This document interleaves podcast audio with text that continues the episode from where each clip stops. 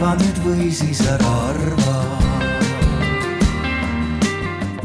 ja, ja, jah, jah üks, kaks, kolm, mõnus lounge'i muusika on meid siin hommikul äh, vaikselt äh, äratamas. Äh, kell on kümme natukene läbi, Paide, Vallimägi ja kogukondade ala ja Liiderliidu poolt korraldatud tore arutelu Arukad külad, kogukonna võimestamine on kohe-kohe siin algamas ja õigemini ongi alanud. mina olen Arto Saar, aitan natukene seda asja juhtida, aga tegelikult ma arvan, et siin sellisest juhtimisest ei tulegi midagi välja, et meil on nii toredad inimesed inimesed nii lava peal kui lava all. et, äh, et saame siin teha mõnusat diskussiooni ja, ja äh, Silval on ka selline käsimikrofon olemas, nii et kui keegi tahab midagi öelda, siis äh, kohe anna märku, Silva annab mikrofoni ja, ja saame kõik ilusti kaamerasse ära salvestada, et ka teised inimesed, kes ei ole veel ärganud, saaks järgi kuulata ja vaadata.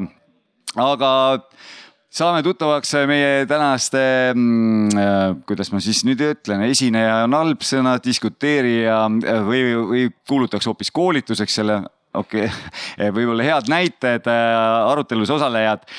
Kristiina Tammets, tere. tere hommikust.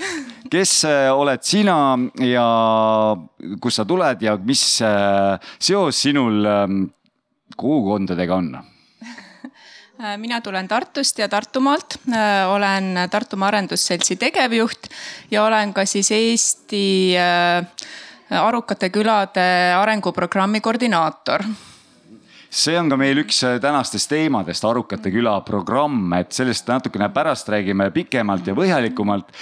mul on selline salainfo ka, internet aitas, et oled ka kaks tuhat kakskümmend üks Liiderliidu mm, aasta tegija, et et vastab tõele või?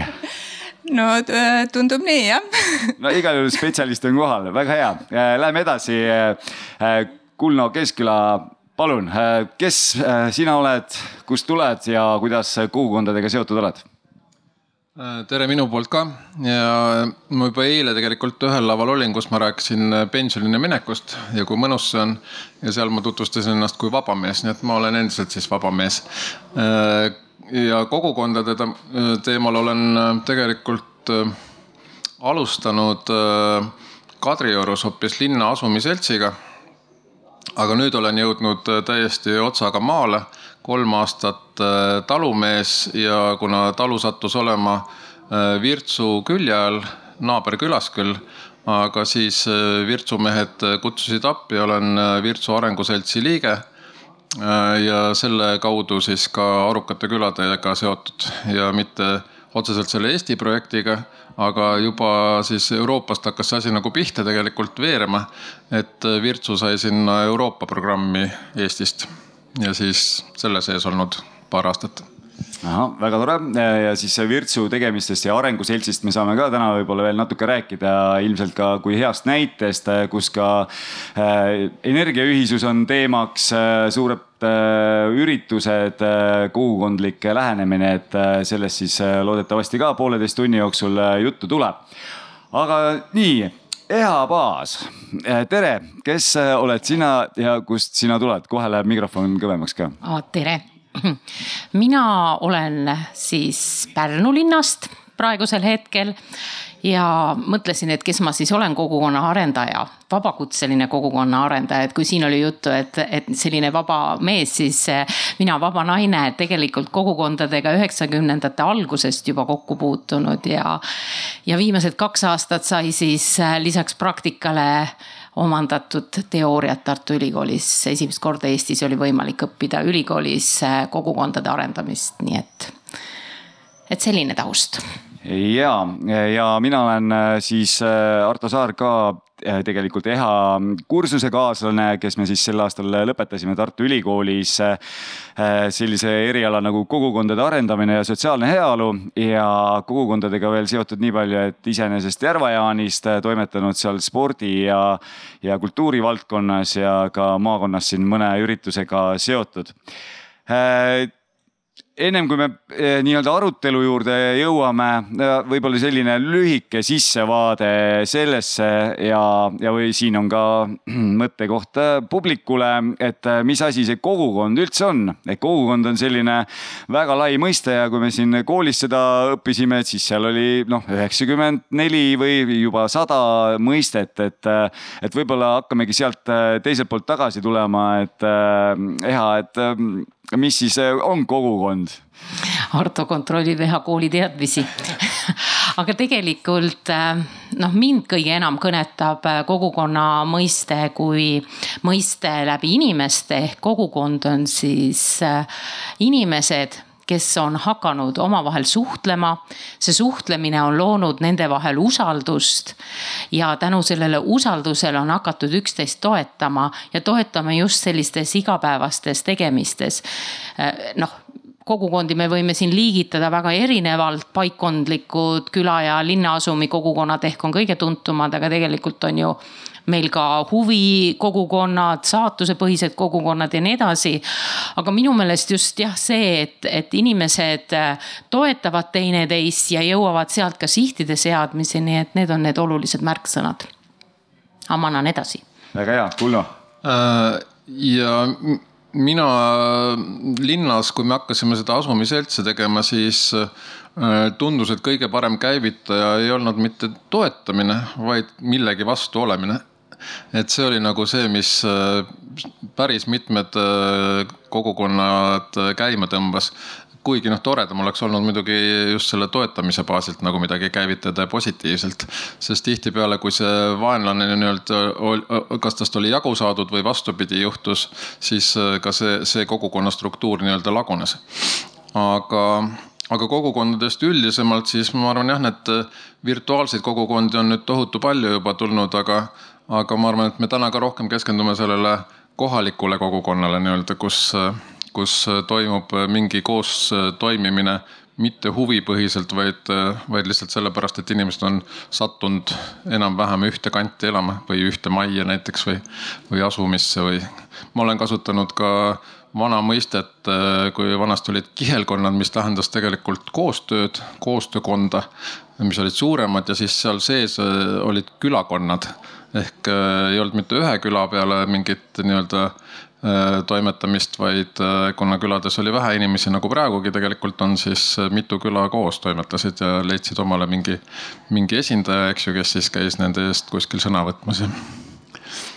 väga hea, Kristiina Äh, ja et kui Kulno siin nüüd rääkis sellest, et ühine vaenlane või selline negatiivne pool liidab, et siis arukate külade kaudu me püüame siis vastupidiselt läheneda, et, et läbi sellise positiivse arengu ja uute võimaluste kasutamise ja kohaliku potentsiaali rakendamise siis kogukonda liita, ühiselt tegutsema panna, et eks see ongi võti, et, et kohalik kogukond leiaks siis üles selle ühishuvi ja hakkaks siis ise oma piirkonna eest seisma ja, ja neid kohapealseid äh, võimalusi kasutama ja muidugi siis ka äh, uusi lahendusi rakendama.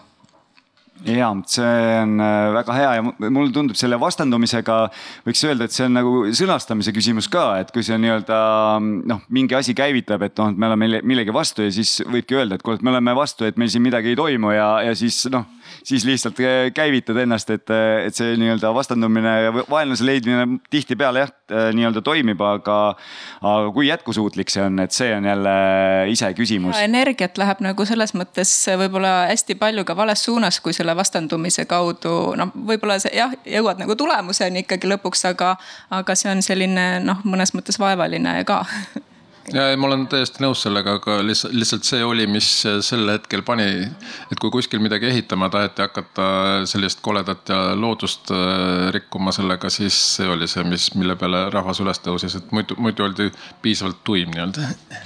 ma võib-olla siia juurde täiendaks siis natuke positiivset poolt ja ma olen tegelikult nõus, et hästi palju Eesti külakogukondi on saanud alguse mõne probleemi olemasolust ja vahest on see ka positiivne, näiteks ma tean, et, et mõnes külas oli probleeme elektriga. kui me üheksakümnendate algusesse läheme, siis oli päris mitmeid, kus elektripost ei tulnud viimase taluni ja, ja see oli probleem ja siit tuleb see üksteise toetamine välja, et ülejäänud siis külaliikmed tulid ka appi ja asusid siis koos selle viimase taluga otsima neid lahendusi, kuidas see elektripost ikkagi saaks sinna ülesse. ja, ja kogu selle protsessi käigus ju kasvas see suhtlemine, usaldus ja üksteise tutvumine ja, ja kuna oli ka eduelamus siis miks mitte edasi koos toimetada, järsku on veel mingid asjad, kus me saame ühiselt üksteist toetada. nii et ega need probleemid alati ei pruugi nii halvad olla, lihtsalt jah, et, et kas need on nagu vastandumised või need on mingid vajakajäämised, mis, mis, mis vajavad lihtsalt lahendamist. et siin kusjuures sellest ma polnud kuulnudki, et see oli nagu esimesed siis energiaühistu alged olid juba üheksakümnendatel ma mõtlesin, et nüüd toimub teine laine, aga see on juba siis mingi viies laine, mis praegu et juba kolmkümmend aastat siis sellel lainel jah ja. Okay.? no ja siis läheme esimese vabariigi aega tagasi. no siis oli palju ühistuid ja koostöö oli hoopis teine, et nõukogude aeg ikka rikkus tohutult Eesti inimest. ja, ja eile just äh, kui oli spordialal ka kogukondadest juttu, et tegelikult noh, jõuti ka sinnamaani, et, et see ühistegemine on meil veres kuidagi tegelikult ajaloost, aga see vahepeal nüüd noh on ära kustunud ja nüüd oleks vaja noh ergutada, et on siis, toodi näiteid, kuidas siis äh, ongi tuletõrjeseltsid ehitasid kultuurimaju, iga külamees tõi kaks kivi ja nii edasi ja tehti suuri asju, et tegelikult meil on see loomuses olemas, aga nüüd tuleks natukene meelde tuletada, et kuidas see tegelikult käis. Äh, vaatame publiku sekka ka, et kas seal keegi tahaks veel lisada äh, mõnda nii-öelda märksõna kogukondade teemale, et siis läheks äh, juba teemadega edasi. jah, pean vist nimepidi tanki panema kedagi, aga hea küll, täna ei pane, veel ei pane, veel ei pane olgu, aga läheme siis äh, teema juurde, mis on siis ka meie teema pealkirjas ehk siis arukad külad. ja, ja teame, et kolmeteistkümnes liider tegevusrühmas on äh, arukate külade arenguprogrammis äh, kakskümmend neli küla või piirkonda üle Eesti, et Kristiina, sina vist oled kõige õigem praegult rääkima sellest või, või ma eksin no ma ei tea, kas nüüd äh, kõige õigem, aga üks nende õigete seast võib-olla siis. sa oled ikka liiga tagasihoidlik, praktiliselt ristiema arukate küla. no räägi. Äh, ja no tegelikult see lugu hakkas ikka ju äh, tükk aega tagasi juba pihta, et Euroopa Komisjoni algatus see on ja kusagil, ma arvan, kolm-neli aastat tagasi juba oli siis sellest ähm, Euroopa tasandil juttu, et selline programm võiks olla. et oleks vaja sellist hästi kohalikku sekkumist tegevust, äh, mis aitaks kohapealsetel kogukondadel just siis äh, nii-öelda oma jõud koondada ja, ja äh, seda kohapealset arengut suunata. Et aga siis võeti tegelikult eeskujuks siis targad linnad et oli nii-öelda smart cities ja siis hakati rääkima ühel hetkel siis smart village'is, et võiks olla midagi sellist ka küladele, et, et kui äh, siis tarkades linnades siis juba teatud arengud toimusid, rahastusmeetmed olid, äh, viidi ellu uusi, uusi äh, lahendusi, et siis oleks vaja ka maapiirkonnal midagi sarnast. et alguses räägiti väga palju digi pöördest, et et, et kuna arukate linnade puhul või siis tarkade linnade puhul on just see digi on selline võtmesõna olnud, et noh, nüüd järjest ka mingid muud teemad ja energia ja energiatõhusus ja, ja, ja siin säästlik renoveerimine ja, ja muud sellised asjad. et aga siis äh, Äh, külade puhul äh, jah, alguses oli, ma arvan, et Eestis ka räägiti hästi palju digitaliseerimisest äh, esi, esimese hooga. ja, ja siis oli ja. terminiks nuti, eks ju. jah, nutikad külad hästi, no kui me praegu alustasime seda diskussiooni siin selle üle, et et mis on kogukond või kes on kogukond, et siis oli ka alguses see diskussioon, et mis või kes on arukas küla ja selles osas mulle nagu hästi meeldib äh, Virtsu lähenemine ja, ja Stanislav äh, ütles välja, et arukas küla on see küla, kus siis äh, inimesed oma aruga rakendades oma mõistust mõtlevad siis, siis ühiselt välja, mida, mida ette võtta, et seda elu seal kohapeal edasi viia. et aga nüüd veel tagasi tulles siis selle alguse juurde, siis, siis jah, et Euroopa Komisjoni poolt tuli see initsiatiiv. et sellist meetodit koha peal rakendada. kusjuures kõik liikmesriigid ei ole sellega nagu väga tugevalt hetkel veel kaasa läinud, et eks nagu vaadatakse, mõeldakse, et, et mida kuskil, kuskil siis teha ja milliseid meetmeid kujundada. et, et aga meie siis otsustasime nii-öelda härjal sarvist haarata ja, ja ikkagi liiderkoostööprojektina käivitada sellise eksperimendi Eestis, et vaadata, kuidas see kontseptsioon siis kohalikul tasandil toimib Äh, ja saime muidugi siis inspiratsiooni ka Euroopa projektist, et Euroopas on ka praegu käimas, on küll lõpujärgus siis pilootprojekt, äh, milles siis ka siis Virtsu kogukond osaleb, on Smart Rural kakskümmend üks, mis siis on arukad, arukad maapiirkonnad. et seal siis osaleb äh, kakskümmend üks liikmesriiki siis erinevate piirkondadega et, et saime sealt inspiratsiooni ja käivitasime siis liiderkoostöö projekti. et Eestis on kakskümmend kuus liidergruppi ja kolmteist on siis sinna projekti kaasatud, ehk siis pooled tegevusgrupid siis eksperimenteerivad äh, seda meetodit. ja tänaseks ma võiks küll öelda, et, äh, et äh, päris hästi on meil läinud, sest kõik kakskümmend neli küla, kes meil seal programmis osalevad, nii-öelda jätkuvalt osalevad, see projekt veel kestab. et said valmis oma Aruka küla strateegia, et et, et just Aruka küla puhul ongi siis oluline see, et on selline strateegiline lähenemine, et see strateegia on selline hirmutav sõna. noh, tihtipeale, et, et hakkame nüüd küla tasandil strateegiat tegema, tundub, et. ja SWOT-i jah. SWOT-i ja, ja mingeid igasuguseid selliseid, selliseid nii-öelda bürokraatlikke asju, aga, aga noh, tegelikult on see oluline selles mõttes, et, et ikkagi vaadata seda pikka plaani, et, et see küla arendamine ei oleks ka lihtsalt selline fragmenteeritud tegevus natuke siit, natuke sealt.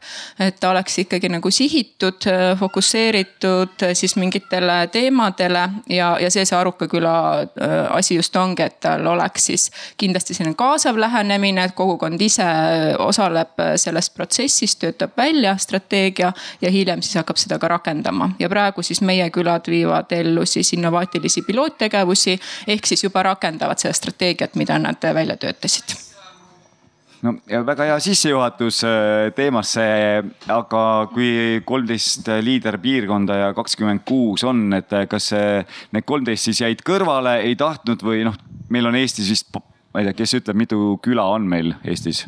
paar tuhat ilmselt, et äh, ja kaks.... üle nelja tuhande aitäh, hea, äh, noh. aga mõned on neist tühjad täitsa, eks ju? Äh, ja seepärast ma ütlesingi üle nelja tuhande, tegelik, ma ei julge päris täpset arvu öelda, aga jaa. et aga tegelikult päris tühja oli ainult paarsada, et ei olnud väga palju. paarsada tühja küla, aga et siis kolm tuhat kaheksasada enam-vähem. aga. vaatame pärast üle. ja, aga et, et noh, nüüd on kakskümmend neli piirkonda või noh, tegelikult mitte ainult küla, vaid ka natuke suuremad asulad äh, kaasatud, et. et, et kuidas edasi, et kas järgmised külad, kes tahaks äh, tulla, on oodatud, millal järgmine võimalus tuleb või siis on see, et see kuidagi niimoodi spontaanselt laieneb ka teistesse piirkondadesse või, või kuidas see nagu initsiatiiv peaks tulema, et kas otsitakse neid külasid, peab keegi sädeinimene ka olema, et jah, me tuleme või siis äh, proovitaksegi elustada või äratada ellu neid piirkondi, kus noh, ei toimugi midagi mm. -hmm no jaa, selles mõttes, et eks selle arendustegevusega ongi niimoodi, et seda ei ole ju mõtet üks või kaks aastat teha, et seda on mõtet ikkagi kümme aastat järjest teha, et siis hakkavad tulemused tulema.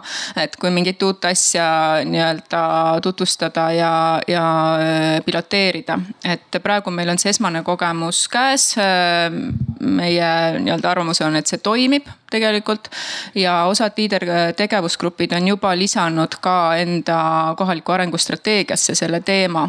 Ja ilmselt siis need, kes siis on nüüd need kolmteist tegevusgruppi, kes on nüüd osalenud selles pilootprogrammis või selles eksperimendis et siis äh, suure tõenäosusega nemad ka jätkavad äh, uuel programmperioodil ja võib-olla kujundavad siis arukatele küladele ka välja päris oma meetme kohaliku arengustrateegia raames, nii et külad saavad siis taotleda toetust nii strateegia koostamiseks kui ka strateegia rakendamiseks. et aga loomulikult on arukate külade teema ka noh, hästi lai, et, et äh, nad saavad ka muudest fondidest toetust taotleda, et siin on kindlasti olulisel kohal ka koostöö teiste ministeeriumitega, nii keskkonnaministeeriumi ministeeriumit, palju on keskkonnateemasid äh, üles tulnud. ja sotsiaalministeeriumiga jällegi sotsiaalvaldkond väga oluline, et kohalik kogukond siis äh, ka tegeleks selliste sotsiaalteemadega. et, äh, et see on kõik nagu tuleviku noh, ongi nende erinevate toetusmeetmete disainimise teema. aga loomulikult tahaks nagu jätkata ka selles mõttes sellise süsteemse toe pakkumisega. et meil on äh, ju see koolitusprogramm äh, välja töötatud, meil on mentorid, kes on asjaga kursis, kes teavad, äh, kuidas seda kontseptsiooni rakendada, koolitajad. et kindlasti tuleks seda potentsiaali edaspidi nagu kasutada ja uus programm uuel aastal juba käivitada no väga hea, Kulno, sina äh, oled kui praktik siis nii-öelda Virtsu Arengu Seltsist, et äh, kuidas tundub, et kas või mis see kõige raskem selle programmi juures on või on kõik selline läbimõeldud, lihtne ka Euroopa Komisjoni poolt noh, nii-öelda läbi töötatud asjad juba ja läbimõeldud, et, et, et võib-olla nii-öelda omast kogemusest öelda, et kuidas see programm tundub? Jah, Virtsu tegelikult pääses sellesse Euroopa Komisjoni siis esimesse nii-öelda üle-euroopalisse pilootprogrammi Eestist. et siin Eestis toimus konkurss äh, äh, ma arvan, võib vist vabandust paluda, et Järvamaa ei pääsenud sinna aga, aga mina otseselt siis veel ei olnud kambas, kui, kui Virtsu seda taotlust nii-öelda sinna tegi ja, ja võitis. Aga siis, kui see kätte jõudis, siis neil oli vaja lisajõudu, aga siis ma sain aru küll, miks Virtsu selle võitis, sest selgus, et Virtsus oli õnneks seda strateegiat tehtud juba, või no ütleme, et see Virtsu Arengu Selts toimetab juba aastast kaks tuhat neli. ja, ja selliseid äh, strateegiaid või arengukavasid mis olid enam-vähem sama plaanilised nagu see, mis Euroopa Komisjon siis nüüd äh, nii-öelda noh põhimõtteliselt oli nagu vormina ees ikkagi, et mi, mida, mida, milline ta võiks välja näha. et selliseid asju oli tehtud peaaegu iga viie aasta tagant ja, ja nüüd sattuski jube õige ajastus, et me saime nagu võtta jälle vana plaani ja vaadata selles uues valguses ja natuke uues vormis siis üle. korraldada värsket äh, rahvakoosolekut, äh, korjata uusi ideesid juurde, vaadata, mis vanadest on käima läinud. et see protsess Äh, selles mõttes oli väga loo, loomulik nii-öelda, mis võiks toimida igas külas, et see, selleks ei pea olema just Aruka küla isegi äh, nii-öelda mingi programmis või projektis, vaid äh, noh, ei saa öelda ju, et ülejäänud külad on nüüd rumalad, eks ju, et tegelikult iga küla võib või külakond või, või alevik või, või ka linna asumiseltsid võiks selliseid plaane ikkagi seada, sest kui sul plaani ei ole, eks ju, siis sa ei tea üldse, kuhu sa lähed et äh, sellest peaks kõik pihta hakkama, kuigi me teame, et, äh, et kui teed plaani, siis äh, jumal naerab, eks ju, siis vähemalt on, mida muuta viie aasta pärast jälle ja kontrollida, kuhu sa oled läinud. nii et Virtsus läks asi päris kenasti kohe käima ja noh, see ajaline plaan, ajaline ütleme piir oli see, mis meile natuke raskusi valmistas just, et põhimõtteliselt tuli see mingi kolme kuuga ära teha. ja samal ajal oli koroona ka veel kaelas. nii et, et rahvast kokku saada arutamiseks oli tiba keeruline. sai tehtud ka virtuaalkoosolekuid. Virtsu iseenesest ma arvan, et suurem osa eestlasi arvavad, et Virtsu on lihtsalt üks sadam ja sinna minev tee, eks ju. Aga tegelikult, tegelikult Virtsus elab äh, viissada inimest. Äh, see küla põhiliselt jääb sinna vasakule poole, kui, kui te Saaremaale lähete, sadamasse sõidate, siis vasakul pool on nagu isegi kahest külast koosnev Virtsu alevik aga ennem seda on veel paremat kätt nüüd, nüüd kalatehase vana territoorium, mis on selline räämas ja kole, millest peaks varsti kujunema siis tänu sellele meie projektile tegelikult uus Telliskivi keskuselaadne asi. ja ennem seda natuke veel eespool, kus on Alexela bensujaam näha, selle taga on Virtsu vanalinn mis on täiesti oma väikse linnusega. nii et äh, me nimetame nüüd äh, saladuslikuks poolsaareks Virtsut et, äh, et väga huvitavaid asju tuli, tuli selle protsessi käigus nii-öelda välja ka veel. kohe anname ka publikule sõna, aga Eha kes, sa oled ju mentor ka mitmetel küladel, et kuidas see mentorlus välja näeb, mis sa näed, et see kõige nii-öelda noh, nii-öelda teise nurga alt, et mis see kõige keerulisem on, on nende sädeinimeste leidmine või nende kogukondade kokkuajamine, noh tõesti koroonaaeg on olnud. et mis sellised valukohad on ja kuidas või mis need õppekohad on? jah, ma olin mentor selles Arukate külade programmis ja praegu ka, ka, ka mõne teise küla mentor, toetaja kui me mentoritega omavahel juttu rääkisime, siis äh, tegelikult äh, mulle isegi nagu natukene üllatuslikult tuli see, et äh, meie külakogukondade üks väga suur mure on see, et nad on kaldumas suletusele. ei taheta väga kaasata gruppe gruppe, organisatsioone, teisi inimesi, eriti neid, kes teistmoodi mõtlevad. et, et oskust seda koostööd luua, oskust ja julgust olla rohkem avatud, et, et see tegelikult tuli välja, et päris mitmed külad tulid juba programmi oma kindla sihiga. Nemad tahavad seda teha ja, ja, ja see ülejäänude kaasamine, kes selles senises arutelus pole olnud väga-väga visalt tuli. Ja seda ma olen tähele pannud ka laiemalt Eestis. Ja, ja teine pool, mida ma mõtlesin, et, et võiksin esile tuua ja mida ma soovitaks äh, järgmise aasta siis Arukate külade programmile on, et, et ma olen nõus, et sellised strateegiad või, või plaanid, kuhu me liigume, on väga head mingil hetkel luua. kogukond peaks olema muidugi valmis selleks. aga ma muudaks natuke lähenemisnurka ja soovitaks äh, seda arengut hakata planeerima kohalikule ressursile põhinevalt, et see on täna kaasajas äh, just kogukondade arendamises selline lähenemine, kus äh, me ei keskendu kohapealsetele probleemidele, vaid kõigepealt vaatame, mis on meil tegelikult olemas. ja, ja see, mis meil on olemas, selle põhjalt ju saab mingit arengut üles ehitada. Ja, ja, ja alles kõige lõpus me hakkame vaatama, et, et mida me saaks nagu juurde tuua et täna ma tajun hästi palju, et keskendutakse ainult probleemidele, mis tihtipeale inimesed lihtsalt tühjaks tõmbab, sest probleeme on meil lõputult ja, ja kõikidele ei hakka hammas ka peale ja, ja siis me, siis me nagu jääme nendesse probleemidesse kinni. aga, aga, aga oskus näha ressursse, kusjuures mul on tunne, et inimesed kogukondades, maakogukondades või linnas täpselt samamoodi ei, ei pruugi alati märgata seda ressurssi, näiteks kaheksakümne aastane memm on ressurss mitte õnnetus ja, ja abivajadus. või, või mingid puud või, või hoopis seal metsast on mingi noh, ma ei tea, saame mingisugust oma kohalikku toodet oma inimestega toota ja nii edasi. et, et või meie lood on ressurss millele me saame midagi üles ehitada.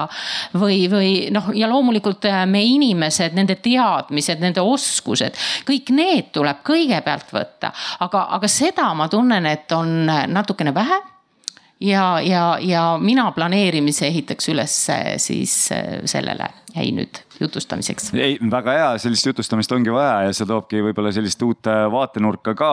aga ma annaks korra mikrofoni, noh juba mikrofon ongi Kirsika käes, ma näen Koeru kogukond, kes on siis ka osaline Arukate külade programmis, et kuidas koeru vaade on sellele programmile ja, ja mis teie esimesed sellised suuremad õppekohad äh, on olnud ja eduelamused ja võib-olla ka murekohad?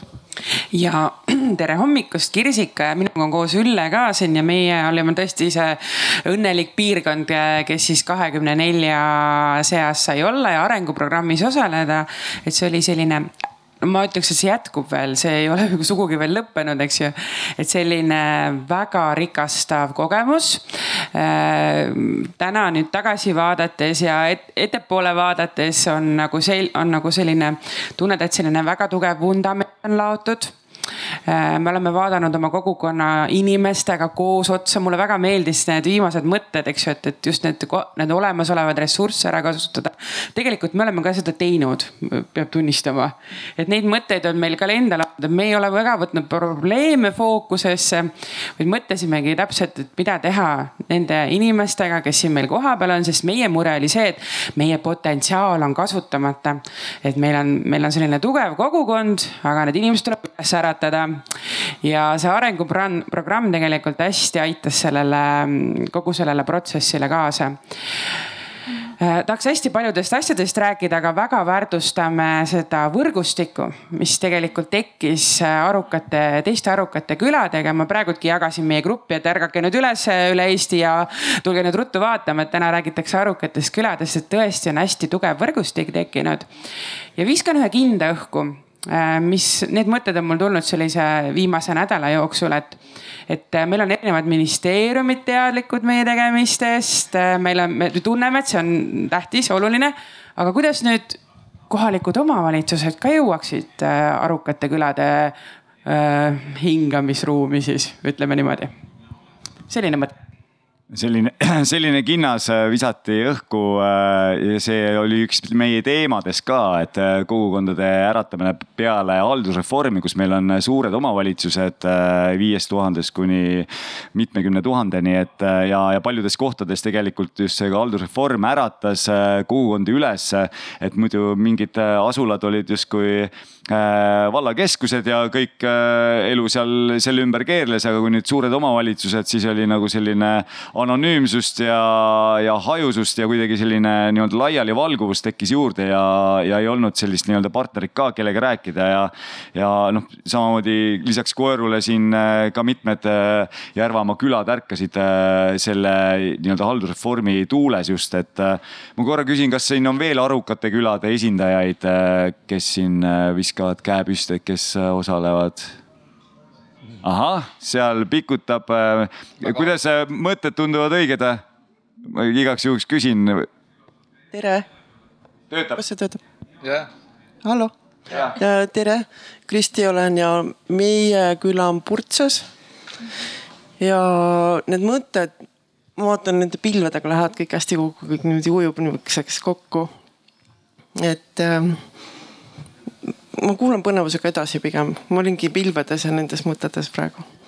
Olgu, väga hea, aga võtame siis selle kinda ja, ja paneme siis kinda siia paneeli, et, et kuidas siis kohalikud omavalitsused siis nendesse Arukate külade programmidesse, strateegiatesse, kas siis nagu hõlmatud on, kaasatud on, on nad võtnud vedu, oleneb see sellest kohalikust poliit elust, kultuurist või omavalitsuse suurusest. et äh, võib-olla Kristiina, sina valgustad, et äh, kuidas KOV-idega lood on? Ja äh, ma arvan, et kohalikud omavalitsused on äh, ühed olulisemad partnerid arukatele küladele kindlasti.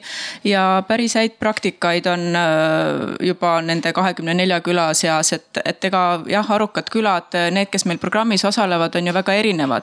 et meil on selliseid väikseid külakogukondi, seal kolme-neljasaja inimesega ja siis on meil ju täitsa valla suurus ja, ja vald ja linn koos ja, ja meil on väga-väga erinevaid piirkondi piirkond ja selle me äh, just ka meelega jätsime avatuks ja lahtiseks, et me ei määratleks nagu ära, et, et see kogukond peab olema mingi teatud mõõtmetega. et, et ongi, see põhineb nagu sellisel ühisel huvil ja iga kogukond saab siis määratleda ise, äh, milline on tema selline territoriaalne ulatus. Et aga kohalikud omavalitsused on väga olulised partnerid, sest et ilma omavalitsuseta on päris keeruline koha peal toimetada, et eks omavalitsus ju toetab äh, tööjõuga kohati siin arukaid külasid, noh näiteks Luunja valla puhul ongi aruka küla strateegia koostatud tervele vallale ja seal on väga äh, konkreetne koostöö äh, kohaliku omavalitsusega, kohalik omavalitsus ka osaliselt rahastab Aruka küla strateegia rakendamist. Äh, samamoodi on näiteks Nõos Meeri küla ja ka teised, teiste külade puhul on toodud välja, et kohalik omavalitsus on väga oluline partner ja, ja kohati siis ongi omavalitsused ka juba rahastamisesse ja, ja ka tööjõuga panustamisesse kaasatud no ilmselt see tegelikult noh, niimoodi peakski vist ilmselt olema, et ega see liiderprogramm on ka käivitaja programm justkui tegelikult ja eeskuju, et, et me ei saa lõputult loota, et noh, kogu aeg liiderrahastusega tehakse strateegiaid ja jälle tehakse strateegiaid, et, et lõpuks on see kohalik, kohalik elu, on ju.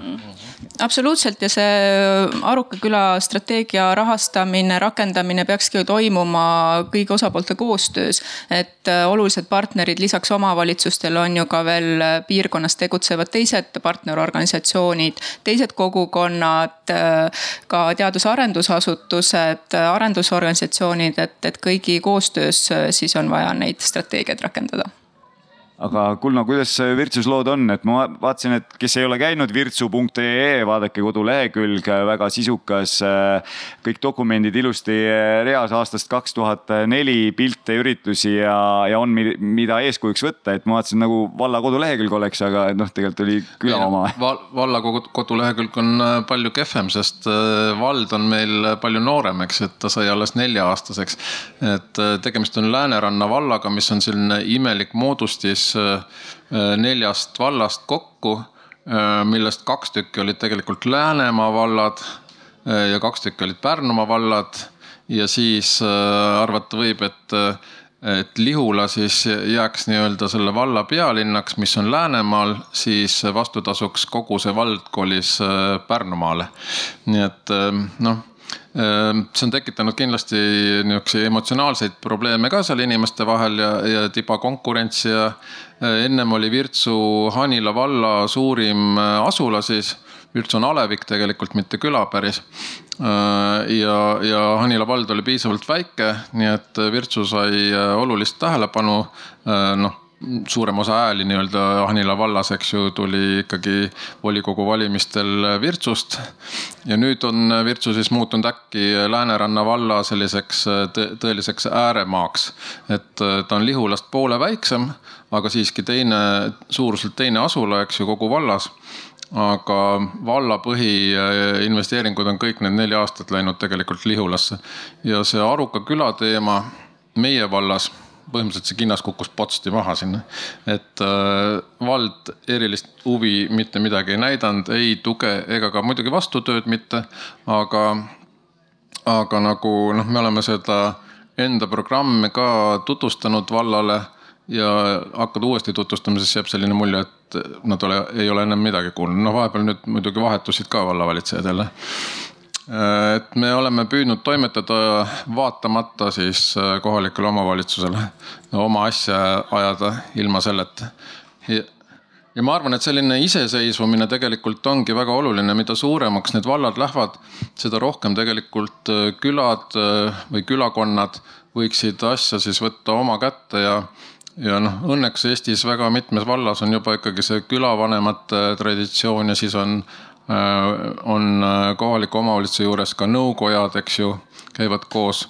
meie vallas kahjuks äh, neid märke veel ei ole, et tehakse selliseid linnukese pärast ühe korra aastas kokkusaamisi ja need on ka rohkem esinemisvormis ja et noh, loodame, et muutub midagi, aga õnneks on Eestis häid näiteid olemas, et et ma saan aru, et äh, jah, kinnas lebab kuskil seal nüüd maas, et, äh, et Läänerannaga noh, pärast saadame lingi siis äh, videoga siis Lääneranna omavalitsusele. aga, aga kus noh kus see siis nii-öelda võti peitub, et kas see on siis tõesti juhtide tahtmatus või, või nad ei ole teadlikud või noh, ma nägin nii täpselt, ma just tahtsin öelda, et äh, Eesti Valdade ja Linnade Liidu äh, tegevjuht Ott Kasuri on ka siin, võib-olla anname mikrofoni sinna. et äh, vaatame siis, kuidas ülevalt poolt seda asja nähakse ja, ja miks ja kuidas see siis niimoodi on läinud, et kinnas maha kukkus. jah, aitäh.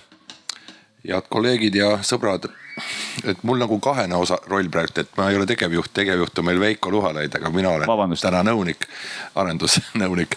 aga et eh, ma olen ka Harku vallavolikogu liige juba kolmkümmend kolm aastat, et eh, mind on kümme korda valitud volikogusse. meil ei ole külavanemaid Harku vallas, aga sellegipoolest kõik see, mida tehakse mujal ja need inimesed, kes seal lava peal on, nendest ma kolme tunnen nagu väga hästi ja, ja tegelikult sellele projektilegi Smart Smartvillis kakskümmend üks.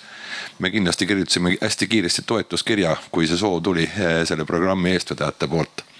loomulikult me neid inimesi tunneme, usaldame ja loomulikult ka linnade-valdade juhatus arutas seda, et kas seda koos, kooskõlastust anda või mitte ja ma pidin siis selgitama seda kõigile uutele juhatuse liikmetele ja, ja osa neist on linnapead, kellele jääb võib-olla teema kaugeks, aga mida me oleme lubanud seal, me oleme lubanud alati seda, et, et kõik see, mida, mida tehakse Vihulas või tehakse see koos Uue-Mõisas tulevikus või teistes nendes partnerites.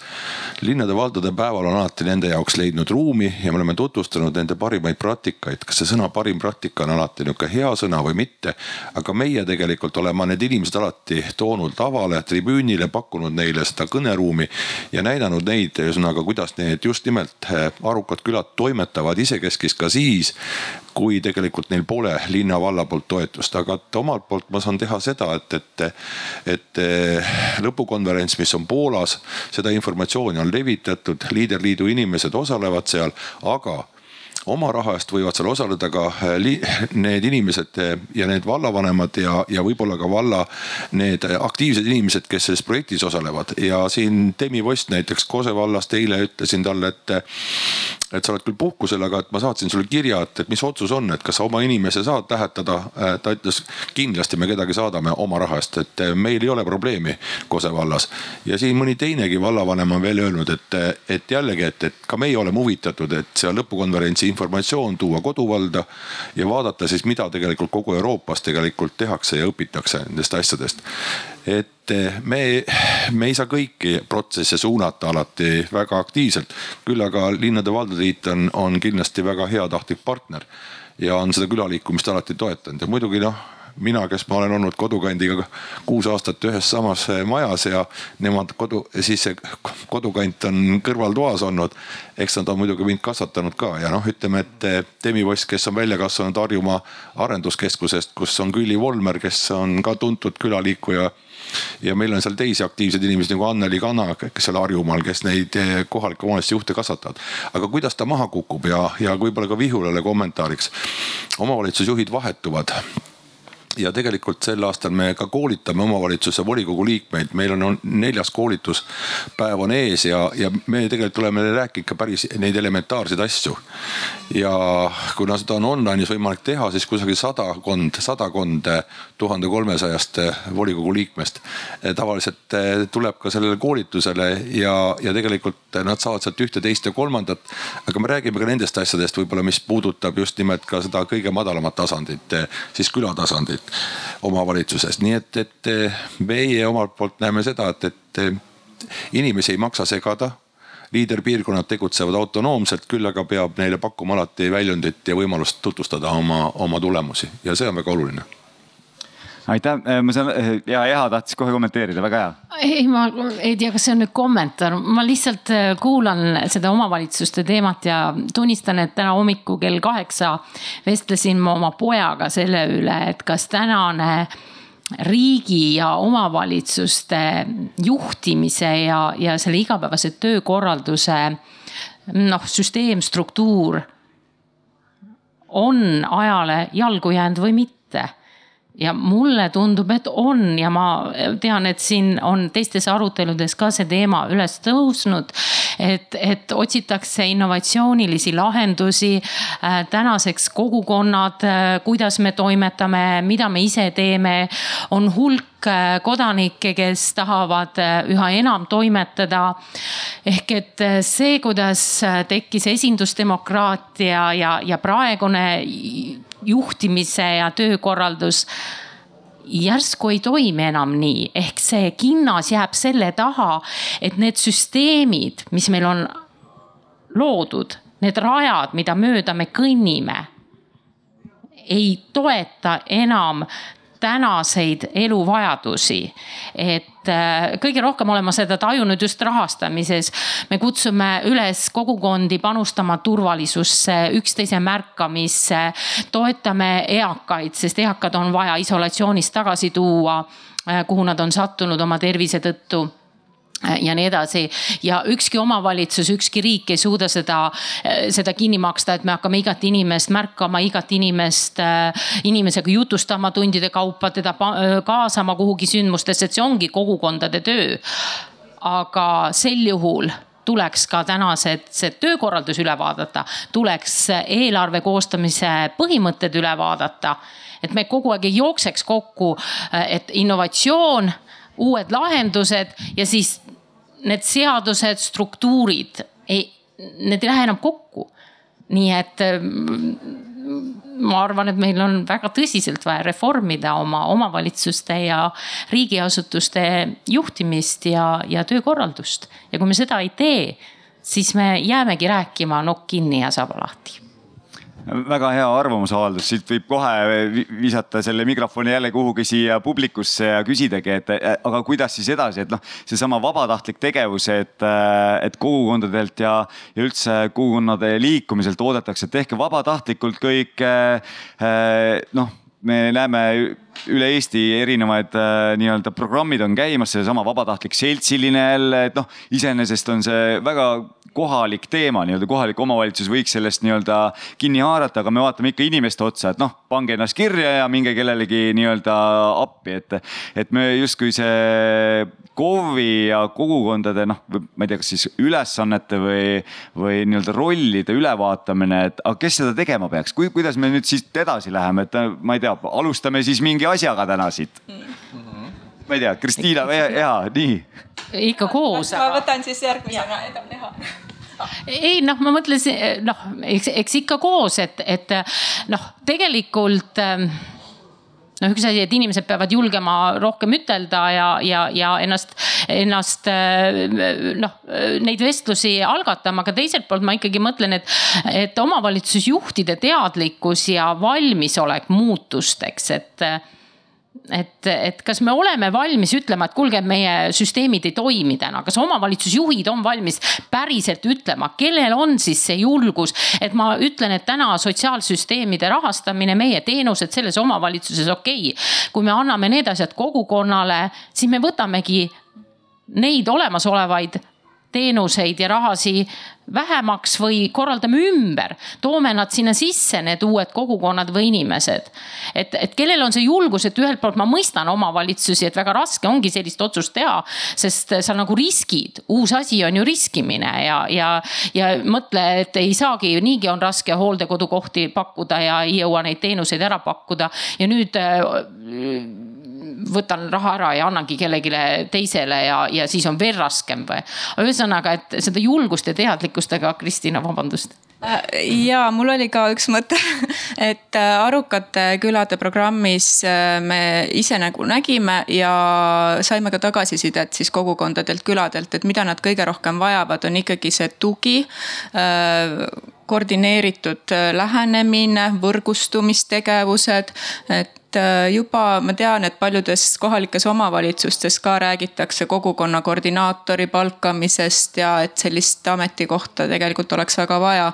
et kes just tooks erinevaid kogukondi kokku ja võimaldaks siis äh, sellist tuge ja, ja just ka leida võib-olla erinevaid rahastusvõimalusi ja, ja oleks äh, siis toeks sellisel viisil ma tean, et äh, Haapsalu linnal, kui ma ei eksi, oli äh, kogukonna koordinaator olemas, aga muid näiteid ma väga hästi ei tea, ilmselt on nad kuskil ametijuhendis sees. aga, aga kui noh, just suunda kogukonnale nagu justkui ei ole.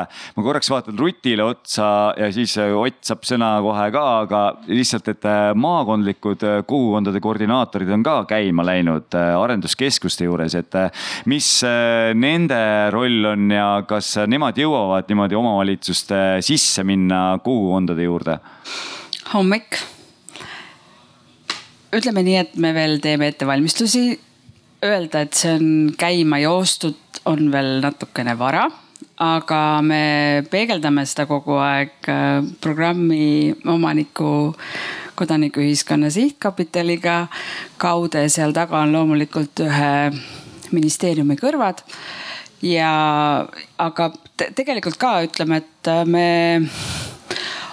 oleme valmis ühtepidi maakonna tasandil minema kuni Koeru kogukonna küünarnukini sisse, aga teistpidi tahaks ikkagi vaadata nagu kogu maakonda, meil on kolm KOV-i siin Järvamaal, eks. meil on äh, maakonnakeskuseks äh, nimega linn, kellel on tegelikult ju külad kambas sama Arukate küla äh, üks osaline mm, grillevälja. et, et, et, et see on, see on selline ja, ja et teisipidi ütleme, et see kogukonna siis koordinaatori, et, et kindlasti me ei taha, et on see, kes äh, ainult laua taga istub ja mingisuguseid äh, aruandeid koostab või, või, või registreerimislehtedel äh, digiallkirju kinnituseks juurde lisab. et äh, ta on natukene veel nagu meetme mõistes äh, viimases loksutamise voorus. aga täna ütlen, et äh, päris igale KOV-ile kogukonna koordinaatorit sellises väikeses maakonnas nagu Järva tundub võib-olla liiga luksus. kui me saame ta laua tagant minema ja rohkem nagu kogukonnas sisse käima, siis ma arvan, et maakondlik kogukond on koordineeritav nagu maakond hakkab aku tühjaks. ja äh, palume siin tehnikutel võib-olla uus äh, patarei panna või kuidas äh, olukord on? üks, kaks, kolm, ei ole häda midagi, tehnika töötab. aga eelpool kõnelejaga me just tulime ilusti sealt keskväljakult siiapoole ja, ja eelkõneleja just ütles mulle, et, et noh, KOKS on nüüd varsti seal Riigikogu suures saalis ja KOKS-i paranduste, muudatustega variant tuleb, eks ole ja ütlesin ka heale kolleegile, et noh, kõike, mis me soovisime, sinna sisse ei saanud ja osa on sealt ära nügitud. et eks nii on meid õpetatud seal ka Euroopas käies, et kõik hakkab pihta seadusandlusest, et enne ei saa raha jagada, kui seadusandlus on paigas, et, et EHA ütles ilusti, et noh, et, et kui me tahame midagi muuta, siis me peame muuta seadusandlust ja nii lihtne see või nii korrektne see asi ongi alati olnud, eks ole, et aga koduvallas ma ütleksin niiviisi, et meil on täna Harku vallas olemas eh, kolm sellist eh, inimest, kes meil saavad palka tegelikult kohaliku omavalitsuse eelarvest. Nendega on siis nende mittetulundusühingutega, külakeskustega on sõlmitud lepingud ja nad korraldavad seda elu seal kolmes suuremas sellises kandis, kus me leiame, et see on vajalik ja meil on ka üks niisugune võib-olla ääremaa kant, kus meil ongi palgaline kultuuriaida töötaja, kultuuriait ja, ja kultuuriaidas toimub siis kõiksugune tegevus, küla ja noorsoo ja, ja eakad ja kõik, kes sinna kokku tulevad, et vanast lehmalaudast tehtud asi aastal tuhat üheksasada üheksakümmend üheksa juba. et ma arvan seda, et, et loomulikult omavalitsuse eelarves peavad need rahalised vahendid olema eraldatud ja, ja koduvallas on siiski olemas eraldi raha kultuuriliseks tegevuseks ja just suvel lõppes meil külade nädal mis tegelikult oli seotud sel aastal nii kultuurilise osaga, kontserdid olid muuseas piletiga õhtuti, mitte tasuta. ja, ja tegelikult olid ka kodukohvikud selles paikkonnas avatud ja ma arvan, et see vorm nagu on läinud nagu hästi lendu, mis puudutab sellist ümarlauda, sest meie ümarlaud Nad käivad koos minu meelest regulaarselt, mitte üks kord aastas, et seda kindlasti on vähe, aga see regule reguleerimise kiirus on meil küll nagu ütleme teistsugune, et, et nad käivad üle kahe kuu ja, ja võib-olla ka vahest kuu aega. sest noh, kogukondade metsade teema on tõstatunud ja, ja, ja ka seal löövad külainimesed väga aktiivselt kaasa, teised külad tulevad neile appi. et seda solidaarsust on väga selgelt näha, et, et tekki ei tõmmata ainult enda peale. kaasav eelarve, mida teevad siin hästi mitu omavalitsust, ma arvan, neid vist on viiskümmend kaks juba, kes seal on selle praktika olemas. seal on näha ka seda, et, et külad toetavad üksteise selliseid arenguprojekte, et viiekümne tuhande euro jagamine on, on, on võimalus jällegi midagi oma külas head ära teha, ütleme niiviisi ja ma olen tähele pannud ka seda, et noh, meie ehk siis minu koduküla on Tabasalu alevik, et need inimesed ei löö aktiivselt kaasa ja, ja, ja kui meid keegi on kurjustanud sellega, siis minul on hea meel, et, et see suurem asula ei löö kaasa ega ei võta seda raha nagu ära väikeste käest, et, et võib-olla on ka see nagu solidaarsus vajalik, et ja, ja kindlasti on ka meil olemas nihuke raha veel, mis on nähtud ette nendele külaseltsidele investeeringuteks, et kui projektitaotlus on esitatud, siis omafinantseeringu raha kindlasti leitakse kohaliku omavalitsuse eelarvest, aga sellega on arvestatud ja see summa on ka sinna reserveeritud, eks ole, kas ta läheb kasutusse või mitte. aga need rahalised vahendid on siiski olemas, et jah, ma olen päri eelkõnelejatega ja, ja panelistidega, et ilma rahata tegelikult on raske nagu unistusi realiseerida, aitäh aitäh, ma sain aru, et eh, jah, et Harkus on päris hästi, mujal neid praktikaid võiks ka jagada ja mis puudutab siis kaasavat eelarvet, seda Pandora laegas praegult ei ava, see on päris pikem teema, ma arvan, nii mitmeski omavalitsuses. et kuidas see korraldatud on, aga meil on tegelikult umbes pool tundi jäänud seda diskussiooni, noh korraks selle viimase teema juurde veel lõpetuseks, et seadusemuudatus, uued sihid, mis me siis teeme? ettepanekuid on tehtud, neid pole arvestatud, kuidas me siis saame üldse nagu muuta seda asja, et kas siis, ma ei tea kodu, kodukant võtab ette ja kõik külad ütlevad, et selline asi peaks toimuma, on see liiderliit võtab seda eest vedada. kes siis Eestis tegelikult kogukonda nii-öelda nii häälekandja on? Mina arvan küll, et kodukant võiks see olla, et äh, Eesti on kaetud äh, kodukandi liikumisega väga hästi, traditsioon on olemas, külavanema statuudid on olemas. Äh, ma arvan, et mõneti tuleks seda külavanema rolli isegi muuta kohustuslikuks, et et see oleks noh, mitte igas külas, aga külakonnas vähemalt oleks selline inimene. ja, ja see olekski see kohalik koordinaator, sest kui on niisugune maakondlik koordinaator, siis temal peab olema kellegagi ju suhelda seal küla pool ka. ja väga paljud külad on selles mõttes organiseerimatud või kui on keegi õhinapõhine inimene olnud, sädeinimene, eks ju, need kustuvad ka mingi aja pärast ära. et tegelikult peaks olema ikkagi inimene, üks inimene sellise mida me Virtsus tunneme väga puudust, just nimelt selline ärataja esialgu kes tõesti ajab äh, need inimesed nii-öelda äratab üles ja siis hakkab neid, nende tegevust koordineerima. et äh, see on nagu üks väga oluline, ma arvan, asi, et, et mingi kogukond toimiks, mitte ei oleks selline mingi ühe projekti baasil, eks ju, asi Äh, nii et ja, ja see, see on jälle noh, seadusemuudatus tegelikult ja rahast. aga võib-olla siis Eha natukene, noh külavanematest oli juttu, kodukant tegelikult kunagi koolitas külavanemaid ka aktiivselt, aga vahepeal on nüüd jäänud võib-olla väike paus. praegu, praegu on noh, ma võtaks kogukonna arendajad laiemalt, on ta siis küla või linn. ja nagu ma ennem ütlesin, on ju tegelikult hästi palju erinevaid kogukonna liike, et eks nad kõik vajavad tuge ja, ja sellist kogukonna eestvedajate teadlikkuse tõstmist kindlasti kindlasti on vaja ja sinna siis äh, esiteks on vaja inimesi, kes siis äh, saaks äh, koos nendega tänapäevast kaasaegset kogukondade arendamist läbi arutada. samamoodi on seda infot vaja omavalitsustele, volikogu liikmetele, et volikogude sisuline, liikmete sisuline koolitamine on kindlasti teema. ja, ja, ja siis tuleb nagu mõtiskleda, et kes siis volikogu liikmeid Eestis võiks koolitada, et see ei oleks ainult selline lühikene, kui nad ametisse saavad, et nad jagaks üldist seda oma oma ülesandeid ja vastutust, vaid et nad tõesti ka selliseid arendusteemasid siis teaks. ma nagu siia kodukandi juurde siiski tooks omavalitsused, omavalitsusliidud, arenduskeskused, et äh, noh tegelikult ju täna toimetatakse sinnapoole, et neid muutusi esile kutsuda. ma noh, tõenäoliselt ei ole uudis kõigile, et, et Võrumaal on ju väga palju ägedat ära tehtud, nii äge on kuulata, kuidas Võrumaa omavalitsused ja arenduskeskus on suutnud leida selle ühise tee, kuidas ühiselt käivad koos sotsiaaltöötajad ja, sest maakondade rolli vähenemisega hästi palju sellist äh, piirkondlikku kooskäimist vähenes ja nüüd ongi küsimus, kas kohtadel on mingid arendusorganisatsioonid seda rolli üle võtnud sisuliselt ka ja mulle tundub, et Võrumaal seda tõesti tehakse ja otsitakse siis põnevaid innovatiivseid lahendusi. nii et sealt on, mida õppida ja vaadata, et, et, et selle praktika baasil siis liikuda edasi tõesti seadusemuudatuseni.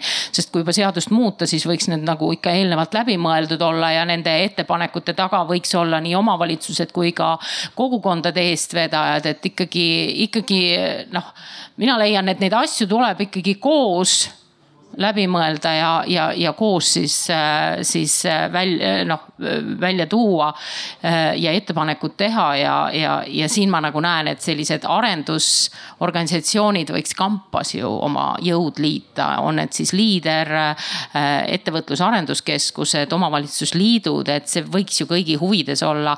aga et see oleks kõigi huvides, peaks see ka kõiki kõnetama, noh, kas siis kõiki, aga noh, enamust vähemalt. Ja see, siin me jõuame jällegi et, et kuidas viia omavalitsusjuhtideni neid äh, uusi võimalusi ja, ja seda julgustust teha neid otsuseid nii et, et see on nagu, ega see ei sünni üleöö. E, et ütlesid, et enamuseni tuleks jõuda ja just Ott ütles, et tuhande kolmesajast volikogu liikmest sada olid nagu seal kaasatud, et noh, selline kaheksa protsenti või seitsme kanti sinna, et äh, aga Kullus. tööpõld suur. ma arvan ka, et tegelikult just nimelt oleks vaja seda ühtlustamist, et kui mul on, meil on nelja tuhandest külast kolmteist arukat küla, siis see ei päästa Eestit. et tegelikult oleks vaja ikkagi, et kõik külad on arukad ja noh, sellepärast on vaja seda nagu massiivselt riigi tasemelt ja seadusega panna, mitte see, et juhtub olema selline volikogu esimees või vallavanem, kes on huvitatud või juhtub järgmine kord, et enam ei ole huvitatud. ja siis ei ole mingist koolitusest ka abi, kui huvi ei ole ja siis ongi niimoodi, et mingid Eesti piirkonnad manduvad täiesti ja konkureerivad omavahel, kirjutavad projekte, kes jõuab kiiremini selle kliki ära teha, jälle mingi raha saada. kompostrite näiteks see näide on väga hea minu meelest, et mingid omavalitsused saavad selle, mingid ei saa ja siis tekib selline imelik nagu lõhestumine, et Eesti on nii väike.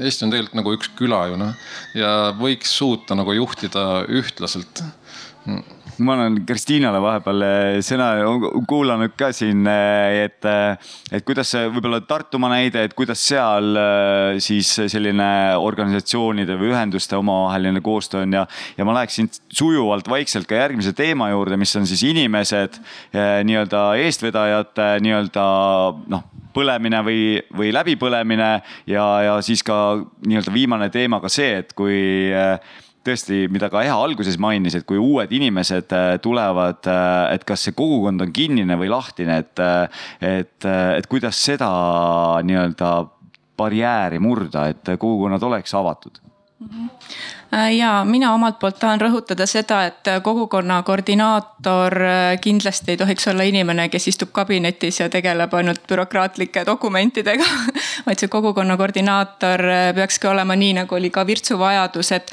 et käima ka vajadusel ukselt uksele ja, ja suhtlema väga aktiivselt siis kohalike inimestega, kaasama erinevaid huvigruppe. Ja ja noh, tegelikult on ju need inimesed kohapeal ka olemas, kes oleksid ka ise suutlikud ju seda kogukonda eest vedama, et ma arvan, tuleks siis need inimesed üles leida. ja seda ju ei takista praegu ju mitte miski, et, et sellega tegeleda ja oluline on, on ikkagi see, et et see oleks nagu järjepidev, see tegevus. et see ei ole lihtsalt üks kord, et nüüd tuli selline projekt ja programm ja teeme ära. et aga, et see oleks nagu aastast aastasse jätkuv tegevus ja, ja see ei tohiks olla õhinapõhine siiski. kukub. aga kust need ka. leida siis, noh? ei no need peavad olema kohalikud inimesed ikkagi ja, ja noh, need inimesed oleks olemas, kui nende tööd ka tasustataks natukenegi. ja ma arvan, et see tasustamine ei peaks ka olema nii, et kohalik omavalitsus peaks nüüd selle kinni maksma, sest noh nagu tellija saab selle muusika, mis ta tellib, eks ju. et tegelikult peaks olema nii see külakond seda nii-öelda rahastama kui kohalik omavalitsus kui ka riik et äh, kolmest potist nii-öelda kokku tekiks ja, ja, ja, ja see oleks nagu üleriiklik programm, et, et see oleks no., äh, siis, siis äh, toimiks need kohalikud kogukonnad ka palju aktiivsemalt. ma mõtlesin, kas on mõni hea näide ka, et on neljas rahastaja ka, et näiteks ettevõtted või kohalikud. ja kohalikud ettevõtted, jah kindlasti ja tegelikult ma natuke tahtsin ka, et see, see isemajandav, kohaliku kogukonna isemajandamine, et see nagu oleks üks teema, mis tõesti tulevikku suunatult võib-olla toimiks, et me hoiaksime, me ei kulutaks seda oma nii-öelda raha kogukonna sees või noh, nagu Pai näide, eks ju, Paides on väga hea, et. et ehk ta läheb nüüd, nüüd on jälle teine katse nii-öelda, et läheb lendu ka, aga et võimalikult palju teenuseid tehtaks nende samade inimeste poolt, kes seal elavad ja raha jääks ka sinna, eks ju ja, ja edaspidi tegelikult sellest tekiks ka väike pensionifond kohalik nii-öelda. Noh, ütleme väike kohalik kodanikupalk nii-öelda meil on siis kohalik omavalitsus ja siis nüüd hakkavad tulema eriti kohalikud omavalitsused. no, no kohalik omavalitsus on nii kaugele läinud lihtsalt, et.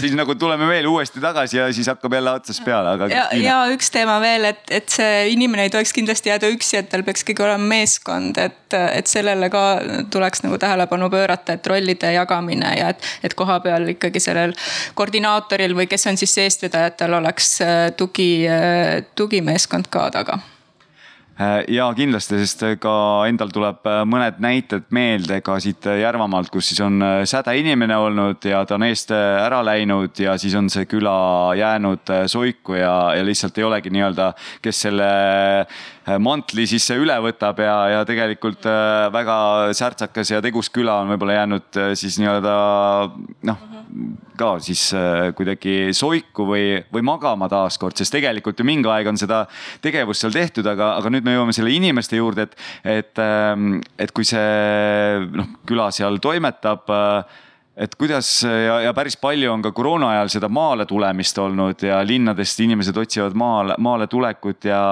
et kuidas, kuidas see erinevad praktikad, võib-olla ka siit publiku seast, et, et, et kuidas see on toimunud, et kas see on siis nii-öelda noh, ma ei tea, kohaliku uue elaniku mentorprogramm olemas. kas see võiks olla, et kui inimene tuleb, näed, ta saab bukleti, näed, kui tahad äh, laulma minna, siis võta temaga ühendust, kui tahad äh, sporti teha, võta temaga ühendust, teeme siin väikese alevi tuuri, kui soovid, et äh, saad teada, kus kohas miski asub. Äh, või, või kuidas selline, selline mõte tundub või, või, või nii-öelda teema, et uh, uued elanikud ja kogukonna suletus või avatus? Eha äkki räägib sellest Eha, sina tõstatasid selle teema. ja, ja noh, mis mina tõstatasin, minuni lihtsalt äh, on kogukondadesse jõudnud ja see on teema, mida ma olen märganud ja, ja tihtipeale on see kogukondades ka tekitanud konflikti, et on põliselanikud, meil on asjad nii olnud, meie teeme neid asju ja nüüd tulevad uued inimesed. ja, ja, ja vahest on nii, et, et, et põliselanikud seal vaikselt toimetavad, aga noh, suurt aktiivsed ei ole, siis tulevad uued inimesed uute mõtetega, tahavad äh, teha uusi asju, mis ehmatab äh, põliselanikke ja, ja, ja siis nagu see väärtustepõhine, arusaamade põhilised konfliktid nagu tekivad et ja sealt tulebki see, et kui rajas kinni me oleme, et, et noh, tegelikult kui kogukonda tuleb uus inimene, isegi kui seda on ainult üks inimene, tuleks äh, kogukonnal, kui ta tahab kogukonnana toimetada, äh, ju, ju tuttavaks saada ja tegelikult äh, koos uue inimesega ka vaadata üheskoos, et mida me siin teeme ja, ja, ja mis need sihid on. sest uus inimene toob ju uue vaate ja uued võimalused, uus ressurss ja, ja alati, alati tuleb see uuesti see vundament luua, nii et selleks tuleb nagu aega võtta ja, ja noh, sa ütlesid ka läbipõlemised ja inimesed ja, ja üks asi, mida ma olen märganud veel, eriti külades aga noh, ka linnades ma usun, et, et osad sellised kogukonnad tegutsevad hästi projektirattas. kui ma kuulen neid eestvedajaid, siis nad räägivad muudkui, mis projekte nad teevad. Ja siis mul on nagu tunne ja mure, et et kas te niisama ka jõuate rääkida ja kas need projektid ikka päriselt on need endiselt, mis teil vaja on. et, et, et tekib nagu mingi projektide tegijate eestvedajad, kes siis mingil hetkel ka tihtipeale läbi põlevad, sest ega see projektitöö lihtne ei ole.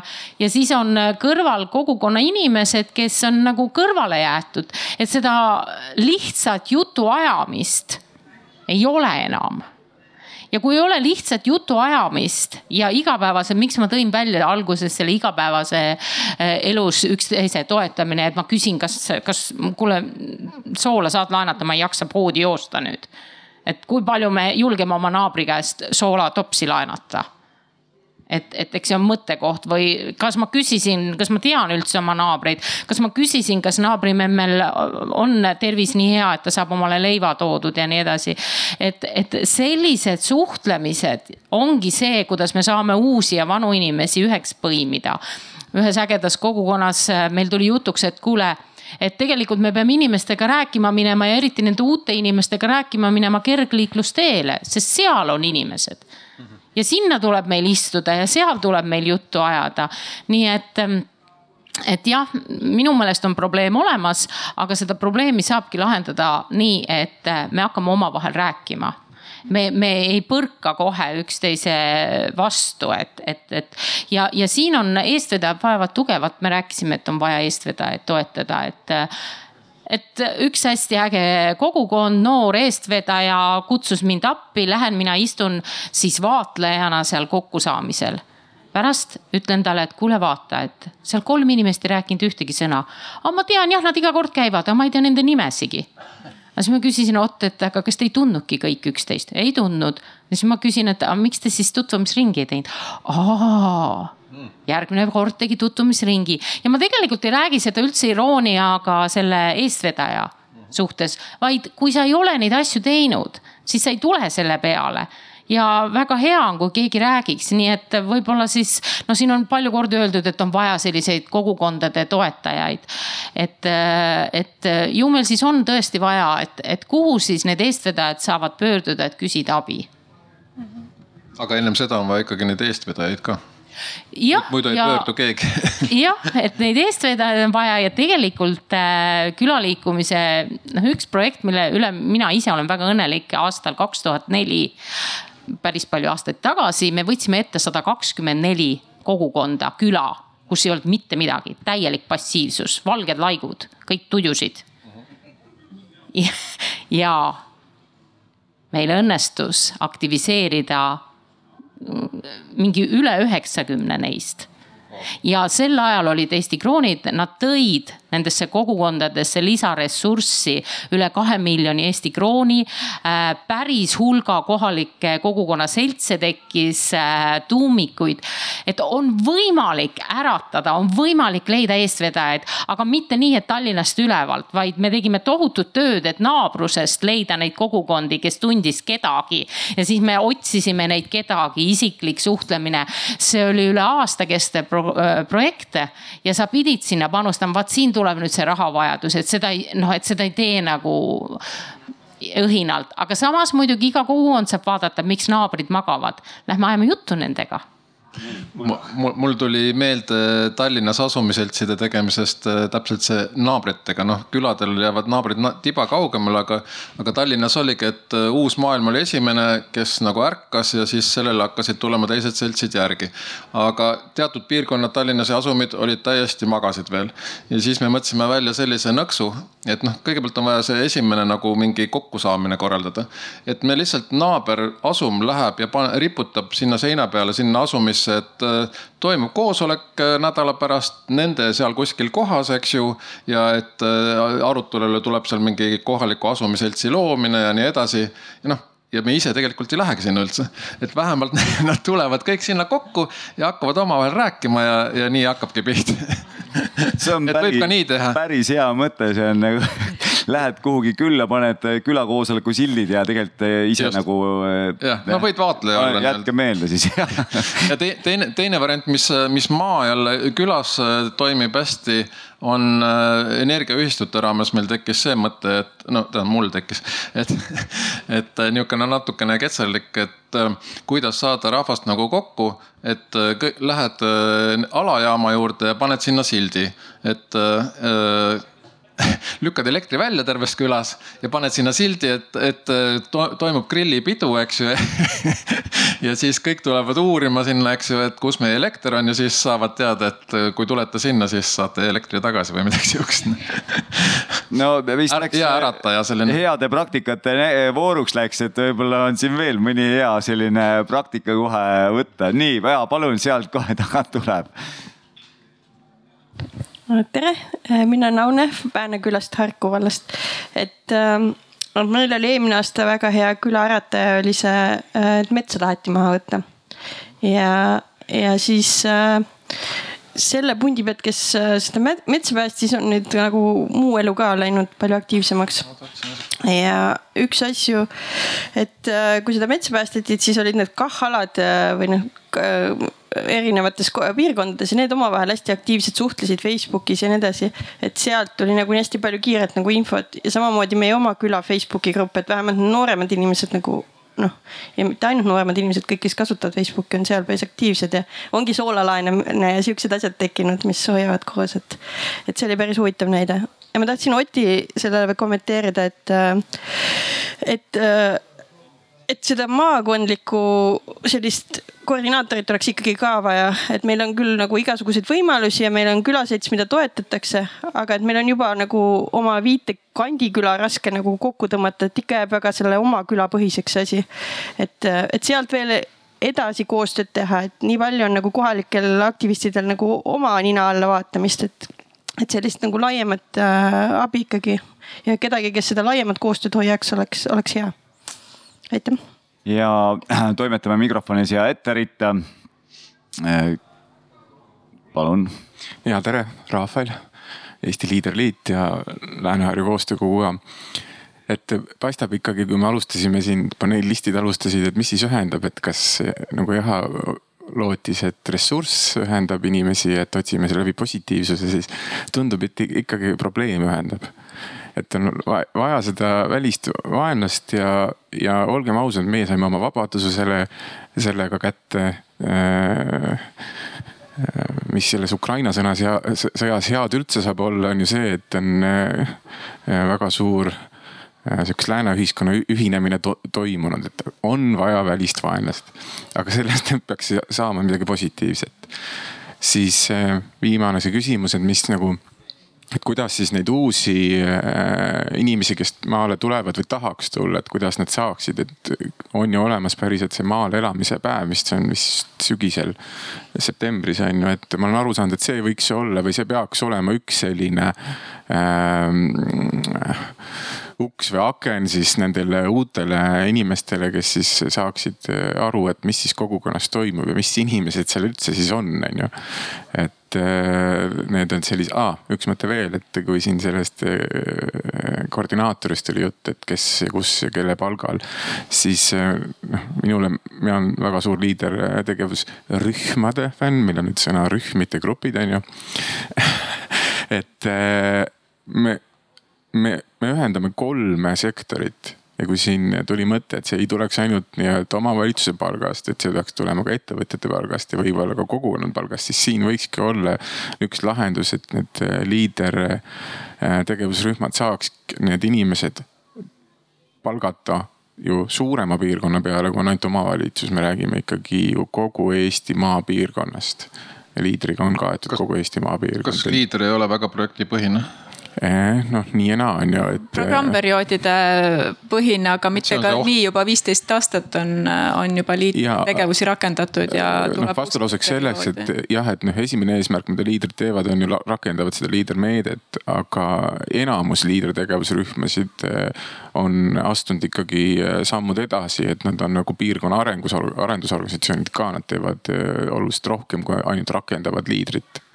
Valdek tahtis ka siin sõna jah, mina olen Valdek ja äh, tegelikult Rahvali kolleeg Eesti Liideliidust ja ka ühe tegevusgrupi liige ja, ja elan ka ühes külas nüüd juba mitu aastat.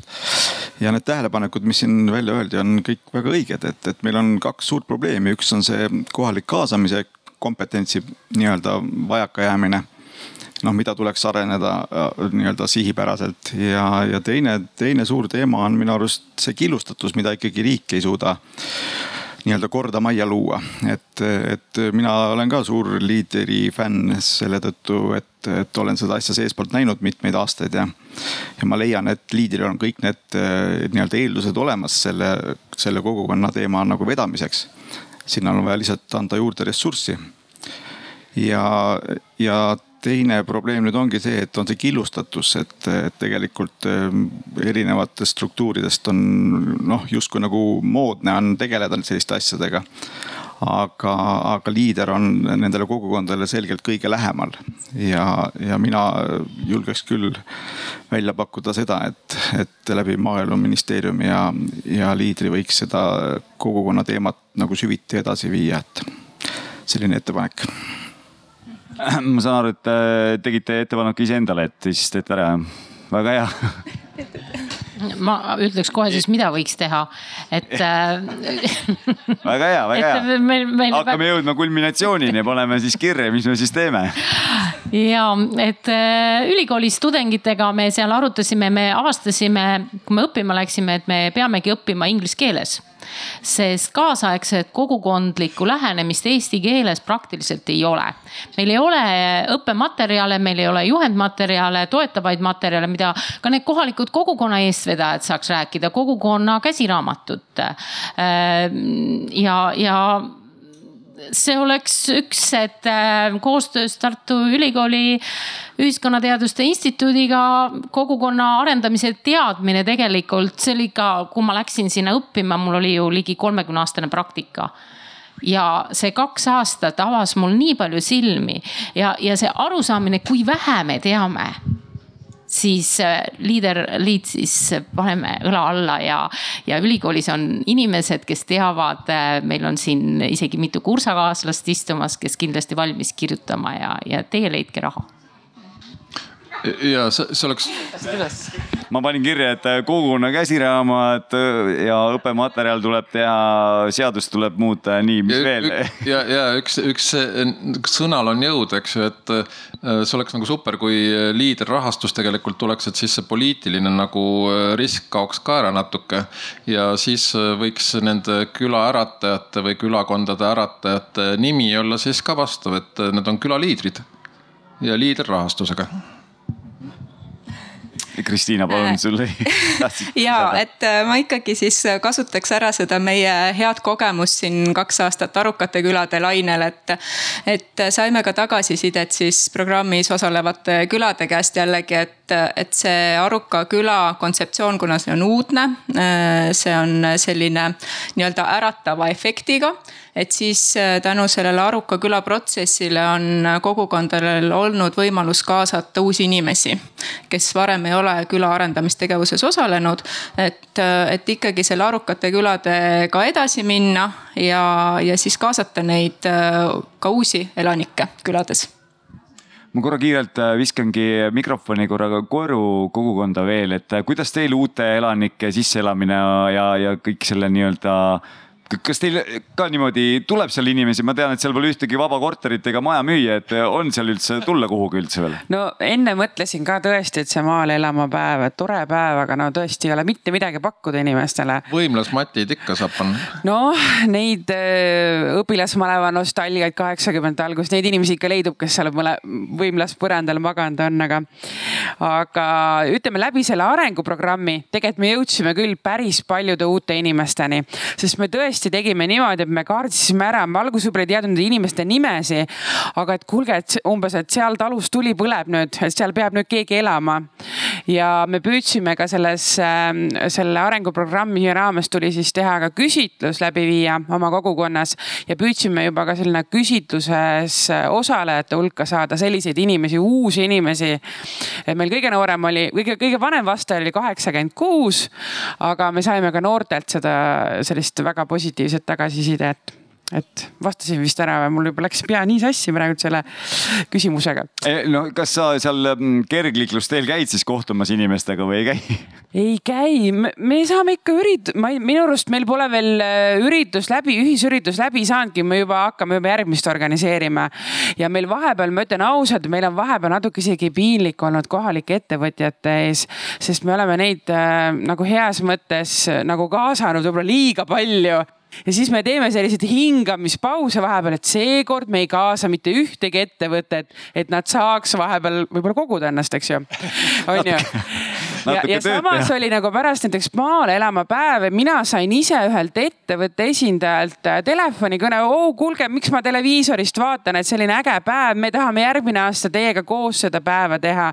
me tahame, et inimesed meie ettevõttesse ka jõuavad, aga siis jääb ikkagi jälle see probleem, et kuhu need inimesed siis elama tuleksid, sest meil tõesti ei ole kinnisvara pakkuda et siis me oleme otsinud natuke teistmoodi väljund, et me oleme ergutanud selle maal elama päeva raames neid inimesi, neid organisatsioone, neid äh, gruppe, gruppe, neid äh, aktiive, kes meil juba kohapeal on, et nemad saaks ka vahepeal tuulutada ennast väga hea, ma saan aru, kohe Rafael tahab vastata ja siis Ott, teil oli ka käsi püsti, et äh, anname siit kõigepealt kohe siis, ma saan aru, et reaktsioon oli Kirsika jutule ja siis äh, hakkame vaikselt siin ka otsi kokku tõmbama. tundub just, et hakkas käima minema, et siin ma ei tea, kas pausile lähme üldse või?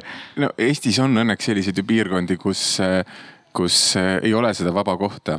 et eh, aga, aga enamus on ikkagi selliseid piirkondi, kus, eh, kus seda tühja talu või tühja korterit ikka leiad, on ju. ja, ja nende piirkonnadega on siis vaja rohkem tegeleda tõenäoliselt. aga ma, ma, mul oli ennem üks mõte nagu ütlemata või see ta tagasisidestamine, see, millest paneel siin rääkis, oli see kaasamine on ju, et eile õhtul oli viimane paneel vist oli seal, kus mm, pealava on ja, ja president pidas noortega paneeli ja, ja noored rääkisid oma hirmudest. ja, ja ka need hirmud, mis noortel on, on ka, on ka tihti ka täiskasvanutel. et, et ja üks hirmudest, mis nad välja tõid, olid see, et nad ei tahagi minna kuhugi gruppi ja midagi hakata arvama, midagi kaasama, seepärast neil on kogemus, et, nad põrkuvad vastu äh, sellega, et kogu aeg on nii olnud ja mida ma, mida sa siin tuled ja tekib probleem ja sa jääd lõpuks sinna vähemusse, sa tunned, et sa oled tühjaks imetud sidrun, on ju. ja, ja, ja sa ei, ei ole sealt saanud seda positiivsust ja lähed nagu ära. ehk, ehk mis siis oleks vaja õppida lisaks sellele juhendmaterjalile inglise keelest tõlkida eesti keelde, oleks vaja õppida põhimõtteliselt suhtlema et see, et sinul on teine arvamus kui minul, ei tee tee meist vaenlast. et kuidas me suudame aktsepteerida, kuidas me leia, suudaks leida ühisosa. ei pea solvuma nagu, kohe. just, aga meil on nagu, just see poliitikas ka noored tõid, et miks nad ei taha poliitikas osaleda, et nii kui sa ütled, et ma astusin mingisse erakonda, vahet ei ole, millisesse erakonda, sulle pannakse silt otsa ette ja sa oled nagu selge noh, selge, sa oled nüüd. Äh, mingid uksed on kinni. mingid uksed on kinni või sa oled nagu sildistatud, onju, aga, aga kas see siis peaks, kas see peab nii olema? Et see on suhtlusoskus ja seda ei muuda volikogu koolitusega see on põlvkondade, põlvkondade küsimus.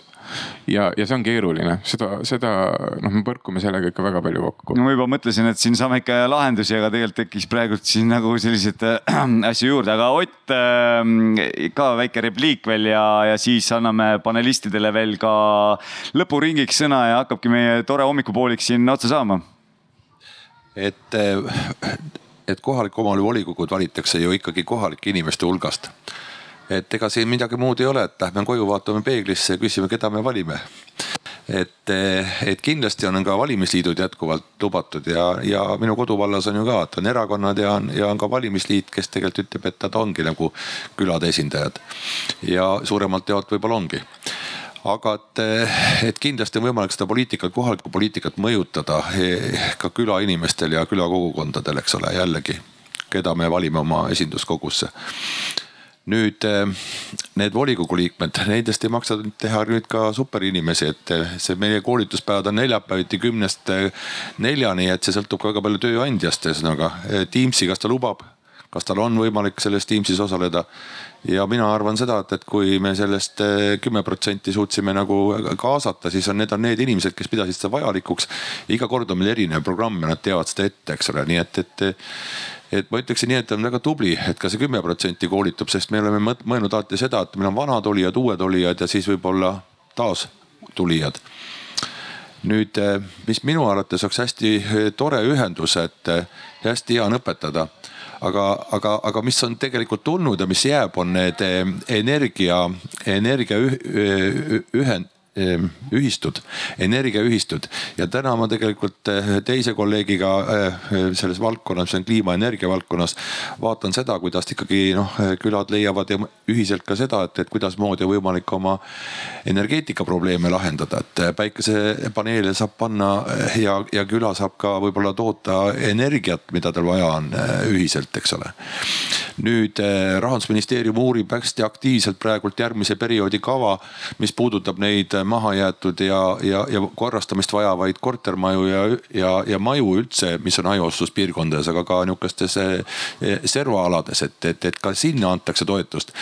ja, ja noored inimesed kindlasti, teatavasti õpetajad ja arstid ei tule sinna, kus on midagi vana ja inetut ja koledat, et me peame olema valmis ka rajama uut ja remontima ja tegema seda elamispinda korda ja, ja sealt Koerust on jäänud mulle, mul on jäänud nagu üks kuue aasta tagune jutt vallavanemaga meelde, et eh, kuus aastat tagasi, ma ei tea, kas teil enam vallavanem seal oli, aga, aga, aga minu visiit tema juurde oli see, et, et sama teema oli, et, et ei ole uut elamispinda ja minu soovitus oli ikkagi, et, et algatage uus planeering, et vallal võib-olla tuleb mingi maa ära osta ja algatada planeering, et läbi planeeringu võimalik ju luua ja anda siis neid kinnistuid, et ma tean, et seal Imavere kandis see vallavanem on hästi tubli olnud, see Jüri Eldram, et, et, et võib-olla saadate kellegi tema juurde õppima, et, et teil siin Järvamaal on tegelikult nutikaid inimesi hästi palju.